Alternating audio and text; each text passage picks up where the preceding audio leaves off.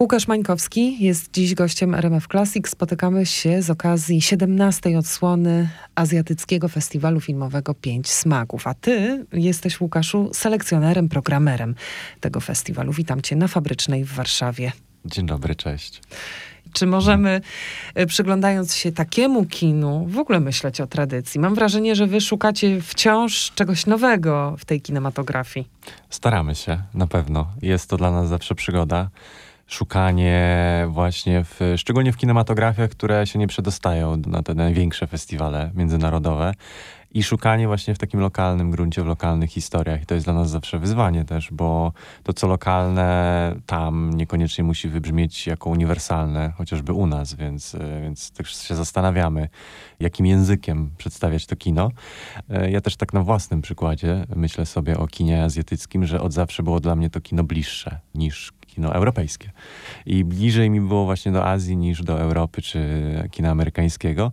No i myślę, że takich osób może być więcej. Osób, które mają jakieś takie silne poczucie łaknienia wobec tego, co właśnie, nie wiem, odległe, azjatyckie, czasami jeszcze nie, nie, niedookreślone w jakimś takim wymiarze własnych potrzeb, ale właśnie takie osoby myślę, że się jakoś przyciągają i odnajdują na naszym festiwalu, bo rokrocznie mamy coraz większą widownię i to łaknienie wydaje się coraz większe też. Czy nie jest trochę tak, że styl życia w Polsce, a może styl podróżowania Polaków ewoluuje, zmienił się bardzo w ciągu ostatnich 10 lat. Nie jest tak, że te nasze nawyki czy styl życia wpływają na powodzenie waszego festiwalu? Z pewnością. Myślę, że znaczna część naszej widowni to są osoby, które rzeczywiście miały tę możliwość, szansę, przywilej, niepotrzebne skreślić, żeby pojechać do Azji i poznać ją tak bezpośrednio, nie przez pryzmat właśnie filmowych historii, tylko wejść y, do Azji od środka. To jest w sumie ciekawa perspektywa. Nigdy o tym nie myślałem, ale pewnie tak jest. Pewnie jest to jakoś mocno sprzężone z tym, że na początku te osoby być może poznawały Azję wyłącznie poprzez filmy na festiwalu, a później są w stanie jakoś też odwołać się do własnych doświadczeń. I i to też wpływa na to, że mm, na początku na festiwalu staraliśmy się, jeszcze wtedy ja naprawdę nie pracowałem tak w ogóle, e, ale na początku misją festiwalu było też przybliżenie postaci mistrzów, postaci, które wtedy wypływały, już były dobrze znane nie wiem, kino koreańskie, kino tajwańskie, kino hongkońskie, więc jakby te retrospektywy czy jakieś portrety były wtedy bardzo ważne dla programu. I to był program, który mam wrażenie nadrabiał jakąś współczesną klasykę, mhm. czyli takie współczesne tytuły, które już natychmiast zostały uznane za wyjątkowe i za bardzo ważne. Obecnie już nie mamy takiego przymusu, bo możemy bardziej poszukiwać czegoś nieodkrytego, że możemy zapuścić się właśnie w jakiś jeszcze dla nas nie do końca zbadany teren. Z takiej perspektywy troszeczkę odkrywcy, że mhm. mamy coś, co jest zupełnie właśnie niezbadane jeszcze. I takim na przykład obszarem są Indie. W tym roku po raz pierwszy skupiamy się na sekcji indyjskiej, prezentując absolutnie zjawiskowy pejzaż kina współczesnego, w którym jest bardzo dużo różnorodności, bardzo dużo tradycji, zderzania się różnych porządków pomiędzy przeszłością, teraźniejszością, pomiędzy różnymi naprawdę kulturami.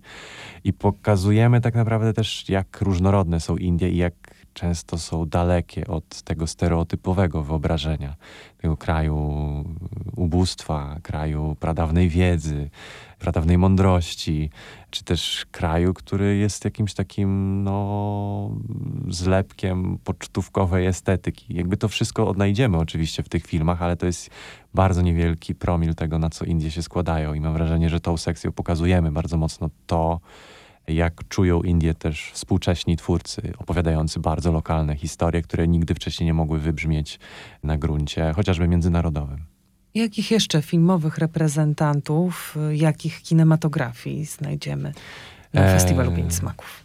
Dla mnie takim odkryciem ponownym, muszę przyznać, jest retrospektywa Kinga Hu. To jest twórca, którego promujemy dość tak szumnie sloganem, że jest to reżyser, który zmienił oblicze kina i to być może brzmi bardzo górnolotnie, ale wydaje mi się, że tak rzeczywiście jest ze względu na to, że no, jest to reprezentant kina gatunkowego, tworzący co prawda w latach 60. i 70., kiedy to kino gatunkowe było jeszcze zupełnie inne, ale jest to twórca, który tchnął w właśnie kino sztuk walk, kino w ogóle jakichś takich bitew, wojowników, y, jakiegoś takiego kina o epickim sznycie, taki pierwiastek mistycyzmu, pierwiastek protofeministyczny też, ze względu na to, że wprowadzał e, silne bohaterki jako pierwszy w ogóle z pośród tych wszystkich twórców, którzy realizowali się w tym gatunku zwanym tak, tak naprawdę jako łusia, czyli gatunek o, o wojownikach. E, no to on właśnie wprowadził e, wojowniczki. To było e, znakomite, jakie postaci nagle pojawiły się w tym podgatunku kina rozrywkowego. Ale to był też pionier techniczny. On miał taką obsesję twórczą, obsesję trochę kontroli. Bardzo łatwo też wpaść w taki romantyczny paradygmat autora, demiurga, który siedzi nad y, danym dziełem kilka lat i tworzy je w zasadzie od każdej strony, poprzez scenariusz, reżyserię, poprzez zdjęcia, montaż, scenografię, kostiumy. No, człowiek, który miał zapaloną wręcz taką obsesję na punkcie tego, jak oddać realia, jak y, stworzyć światy, które by totalnie mogły y, być taką szansą na, na wtopienie się w, w jakąś wymyśloną rzeczywistość. To jest twórca też, który ma w Azji taką renomę Stanleya Kubricka, właśnie z jednej strony na, na, ze względu na tę obsesję kontroli, ale jego dotyk zen, absolutnie cudowne dzieło, e, łączące e, właśnie filozofię buddyzmu zen z kinem, kinem sztuk walki, co brzmi paradoksalnie śmiesznie wręcz może nawet, ale w tym eklektyzmie on, on tworzył coś zupełnie e, wyjątkowego i pięknego. No i właśnie ten film przez wielu twórców azjatyckich, obecnie już mistrzów kina, ten film się jako Odyseja kosmiczna, ze względu na pionierskość jakiegoś takiego technicznego myślenia o, języka, o języku kina, ale też ze względu na to, że to jest swoisty traktat filozoficzny, w którym naprawdę wybrzmiewa jakaś taka idea i myśl o kondycji ludzkiej, o kondycji ludzkości w ogóle wtedy w latach 70., na początku lat 70. I tym bardziej ogląda się to współcześnie jako coś dla mnie wyjątkowego. Naprawdę. Polecam szczególnie Kinga Hu. Ta retrospektywa nie byłaby możliwa bez pokazania Goodbye Dragonin. To jest film o, o filmie, o upadającym kinie, który decyduje się pokazać ostatni seans filmowy. No i w tym filmie decydują się pokazać arcydzieło z okresu lat 60., kino Kinga Hu, czyli bohatera naszej retrospektywy. To jest jeden z moich ulubionych filmów absolutnie. Widziałem go wiele razy, też ze względu na taką kinofilską energię, że jednak film o filmie, wszystko dzieje się w kinie, upadającym kinie. Do tego kina przychodzą prawdziwi aktorzy, którzy występowali w Dragon Inn i oglądają siebie sprzed kilkudziesięciu lat. Jest taki absolutnie wzruszający moment.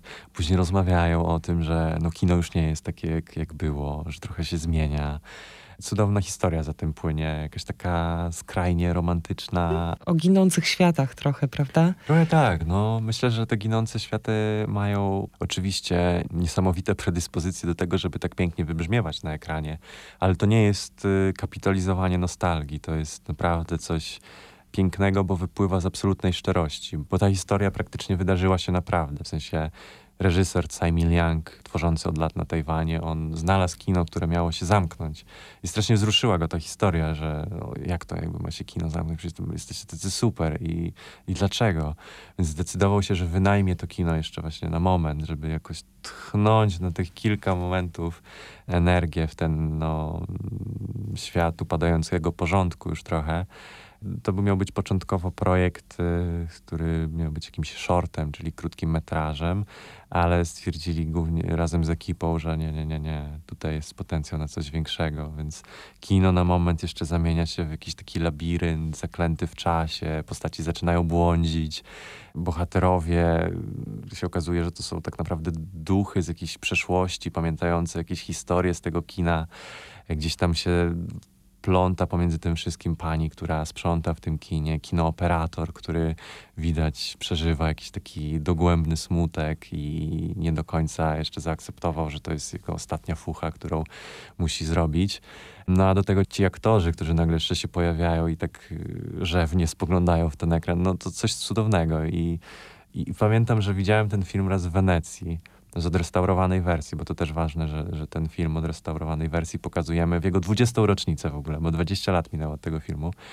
No i kiedy skończyłem oglądać ten film na pokazie w Wenecji, odwróciłem się za siebie i widziałem tam Tsai Milyanga, który był właśnie na sali, i Lee Kang-shenga, czyli aktora, który wciela się w rolę kinooperatora.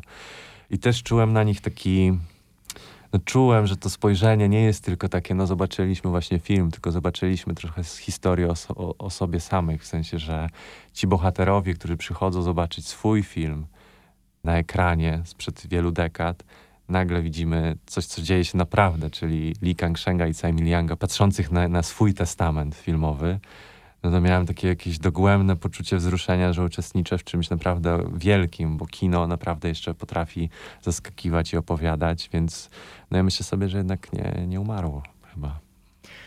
Nie wiem, czy po takim spektakularnym kandydacie do rozważenia, czy znajdziemy coś równie intrygującego w programie Festiwalu Pięć Smaków. No, takim dla mnie spektrum gdzieś odległym od Kinga Hu, ale czymś, co mnie osobiście bardzo jara ze względu na to, że y, spełnia się jakieś takie moje marzenie w pracy kuratora, pracy programera, że możemy pokazać y, film, który jest zupełnie nieznany w Europie, a który w Hongkongu jest absolutnym klasykiem i to jest komedia romantyczna.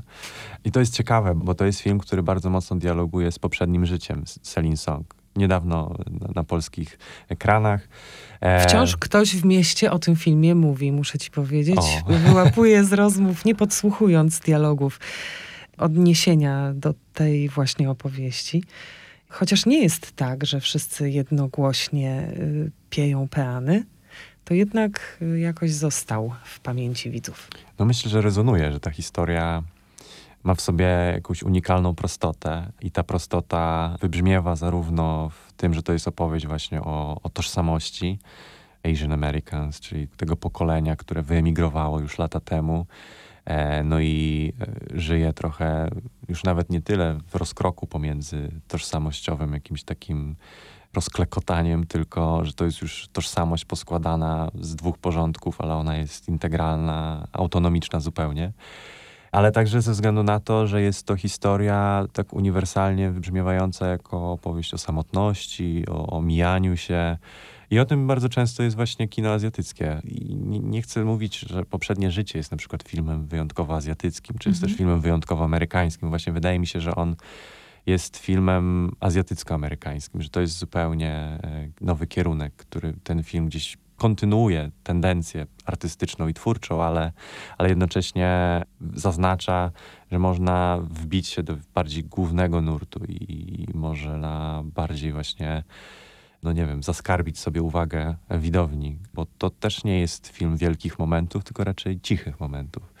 No i właśnie w podobny sposób, chociaż troszeczkę inaczej, wracając właśnie do programu Pięciu Smaków, mamy film z 87 roku, Jesienna Sonata, taki jest jego tytuł. I to jest komedia romantyczna o dziewczynie, która wyjeżdża do Nowego Jorku. Podobnie jak właśnie Nora z poprzedniego życia, e, też właśnie odnajduje się w tej przestrzeni e, Nowego Jorku. Bohaterka Jesiennej Sonety wyjeżdża tam, żeby zostać aktorką. Wyjeżdża z Hongkongu, no i to jest portret diaspory, która zasiedliła nowojorskie Chinatown. Film całkowicie dzieje się właśnie w nowojorskim Chinatown. I to jest chyba, tak mi się wydaje, pierwszy raz w historii festiwalu, kiedy pokazujemy film azjatycki, który nie dzieje się tak naprawdę w Azji.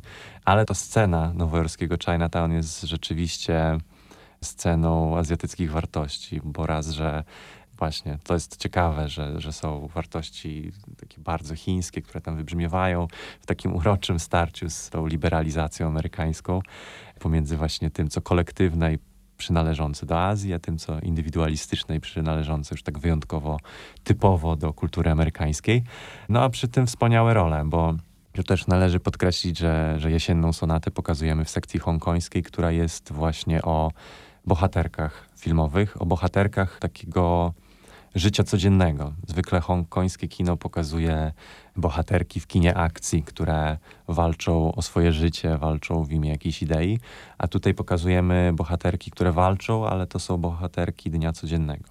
E, I to jest ważne, że właśnie tak e, trochę przezornie pokazujemy komedie romantyczne, jakieś dramaty obyczajowe, filmy bardzo mocno zakorzenione w jakiejś takiej poetyce codzienności, a nie w kinie akcji, z czym zwykle się kojarzy Hongkong. No i Jesienna Sonata jest tego cudownym przykładem, bo To jest kino wybitnie tożsamościowe, chwytające bardzo charakterystyczny moment w historii kraju, w historii Hongkongu, czyli moment masowych migracji właśnie na zachód, czy to do Stanów, czy do Anglii. No a z drugiej strony uniwersalną historię o właśnie szukaniu swojego amerykańskiego snu, czyli coś, co wypracowały komedie romantyczne już bardzo mocno w tym kinie amerykańskim na przykład. Coś ze współczesności znajdziemy też w programie, coś, co nas zabierze w tu i teraz hmm. azjatyckie. No nie byłbym sobą, gdybym nie zareklamował kina japońskiego. To jest e, zawsze mój taki aspekt najbliższy mojej wrażliwości i też moim poszukiwaniom. W tym roku w sekcji konkursowej Nowe Kino Azji mamy dwa filmy e, z Japonii wyreżyserowane przez nowe osoby na tej scenie, ale to, co jest niesamowite, że bardzo trudno jest poczuć, że to są debiuty, czy właśnie wczesne mm. filmy. I to mnie w tych filmach naprawdę urzeka, bo jest szansa na spotkanie się z jakąś taką nową wrażliwością i, i tym, że no mamy jakieś wyobrażenie na temat kina japońskiego, a nagle okazuje się, że to wyobrażenie może zostać zmiażdżone przez coś nowego, przez coś właśnie niezwykle intrygującego. I taką reżyserką jest na przykład Chihiro Ito, która będzie też w Warszawie i opowie o, o filmach. Pierwotnie w ogóle pisarka, która nagle stwierdziła, że będzie reżyserować czy to swoje powieści, czy to własne scenariusze, więc dzieje się coś niesamowitego w tej kwestii, że z, z tego medium słowa jest w stanie wejść do medium obrazu i operować zupełnie integralnym językiem. W sensie to nie są filmy literackie, one są bardzo mhm. mocno zakorzenione w obrazie, w atmosferze, w jakimś takim poczuciu, że ktoś ci wierci coś w środku i ty masz więcej pytań niż odpowiedzi i tak naprawdę do samego końca nie wiesz, czy, czy, czy te odpowiedzi przyjdą. I to jest wspaniałe w tym, bo, bo ja takiego kina osobiście szukam. Mniej nastawionego właśnie na narrację i doprowadzenie mnie od punktu A do Z, tylko raczej porzucenie gdzieś w połowie drogi, przy powiedzmy na to literze M i masz sobie tutaj widzu, e, widzko, szukaj na własnych warunkach, co ci tam przyjdzie, to sobie znajdziesz, ale nie gwarantuję, że, że cię to dokądkolwiek doprowadzi. No ale w tym jest, w tym jest niesamowita energia, jakaś taka iskra fascynacji, bo, bo to jest kino zupełnie fascynujące. I tutaj mówię o dwóch filmach, bo ta reżyserka przyjedzie z dwoma filmami. Z debiutem W jej pokoju, który pokazujemy w sekcji specjalnej, ale też z filmem U Twego Boku. I oba te filmy mają taki pierwiastek, który łączy to wszystko. Z jednej strony jakiś taki pociąg do, do natury, do jakiejś takiej eteryczności i tego, co się wiąże z jakimś takim nieuchwytnym, a z drugiej strony szalenie intrygujący moment, który przychodzi w trakcie seansu, w którym myślimy sobie, co tu się w ogóle dzieje. I, I, to jest wspaniałe, bo można się w tym tak totalnie zanurzyć, ale też odurzyć tym, bo no, to jest coś naprawdę takiego organicznie nowego. Więc te filmy w szczególności polecam. No tym bardziej, że reżyserka też będzie na miejscu, więc y, no, ja będę miał też okazję po, poprowadzić tę rozmowę, więc sam bardzo się jaram tą okazją, bo, bo jestem wielkim fanem jej twórczości. Dużo gości zaprosiliście? Mamy trochę rekord, y, myślę, w tym roku. Będzie co najmniej sześć osób, być może siedem. Czekamy jeszcze na potwierdzenie jednej osoby z Indii, bo tam się rozstrzyga kwestia wizy. No ale będą twórcy i twórczynie jako, jako przedstawiciele i przedstawicielki filmu właśnie tej sekcji konkursowej, czyli nowi twórcy, e, nowe osoby, które są piekielnie uzdolnione i tak jak wspomniałem wcześniej, trudno mi uwierzyć, że to są debiuty. Będą e, dwie osoby z Korei, będzie jedna wspomniana już przeze mnie osoba z Japonii, jeden reżyser z Malezji, e, jedna osoba z Indonezji i jedna reżyserka z Hongkongu. No i tworzy to taki e, bardzo ciekawą taką galerię postaci, ze względu na to, że każda z tych osób zrealizowała zupełnie inny film. Od jakiegoś takiego bardzo powoli tlącego się thrillera społecznego, po taką wręcz anarchistyczną z ducha opowieść o buncie nastolatek, po właśnie wspomnianą, delikatną, e, bardzo wrażliwą na opływający się świat e, reżyserkę z Japonii. Te dwie postaci z Malezji Indonezji, to co ich łączy, jakaś taka wrażliwość na społeczne tematy i jakaś też taka żarliwość do tego, żeby opowiadać o lokalnym kontekście, czy to malezyjskim, czy indonezyjskim. No a do tego reżyserka z Hongkongu, która stworzyła naprawdę cudowny obraz miasta niegdyś znanego pachnącym portem stolicy neonów, które już teraz powoli dogasają. To jest taka gorzko-słodka opowieść o tym właśnie, jak niegdyś Hongkong płonął tym światłem neonów, z których słynął jak myślimy sobie na przykład o kinie Wong Kar Wai'a, czyli tym najsłynniejszym hongkońskim twórcy, no to myślimy też od razu o tych nocnych neonach, które są bardzo wyraziście po prostu iskrzące tym światłem. No a obecnie tych neonów jest coraz mniej. E, no i o tym też jest film, o tych neonach, które powoli dogasają i to jest, to jest film, który też ma bardzo charakterystyczny tytuł Światło nie zgaśnie nigdy. O tym świetle neonów i o projektantach tych neonów, którzy tworzyli niegdyś bardzo długo, bardzo żarliwie, ale no siłą rzeczy wraz z czasem nagle te neony gdzieś wygasają i też coraz mniej osób je tworzy. Fantastyczny obraz. Rzadki przykład właśnie myślenia dawno jakoś taką energią kina hongkońskiego, którą coraz, coraz rzadziej można spotkać w ogóle. Więc też bardzo polecam. No i myślę, że, że reżyserka też będzie fascynującym przykładem historii w ogóle Hongkongu. Jestem ciekaw, co będzie w stanie opowiedzieć w naszej widowni. A o tym filmie, gdy mówisz w Warszawie, to wydaje mi się, że szczególne jest to miejsce y, dla takiej opowieści. Tak, hmm? tak. Warszawa i neony to właśnie jest bardzo dla nas też ważne połączenie, więc tym bardziej się cieszymy, że możemy gdzieś te historie o, o neonach z jakiegoś dalekiego w ogóle hmm. kraju y, przywieźć, y, ale tym bardziej, że te neony są tak emblematyczne dla tego kraju, dla tożsamości w ogóle tego kraju. Od 15 do 21 listopada zjawiamy się w warszawskich kinach. W których konkretnie? Festiwal odbędzie się w Muranowie i w Kinotece, to są nasi już e, stali partnerzy. No a online to też jest fajne, że znaczna część programu będzie dostępna dla widzów i widzek z całej Polski. Czy to jest coś wyjątkowego, ten tryb online, czy już przywykliście i tak już będzie?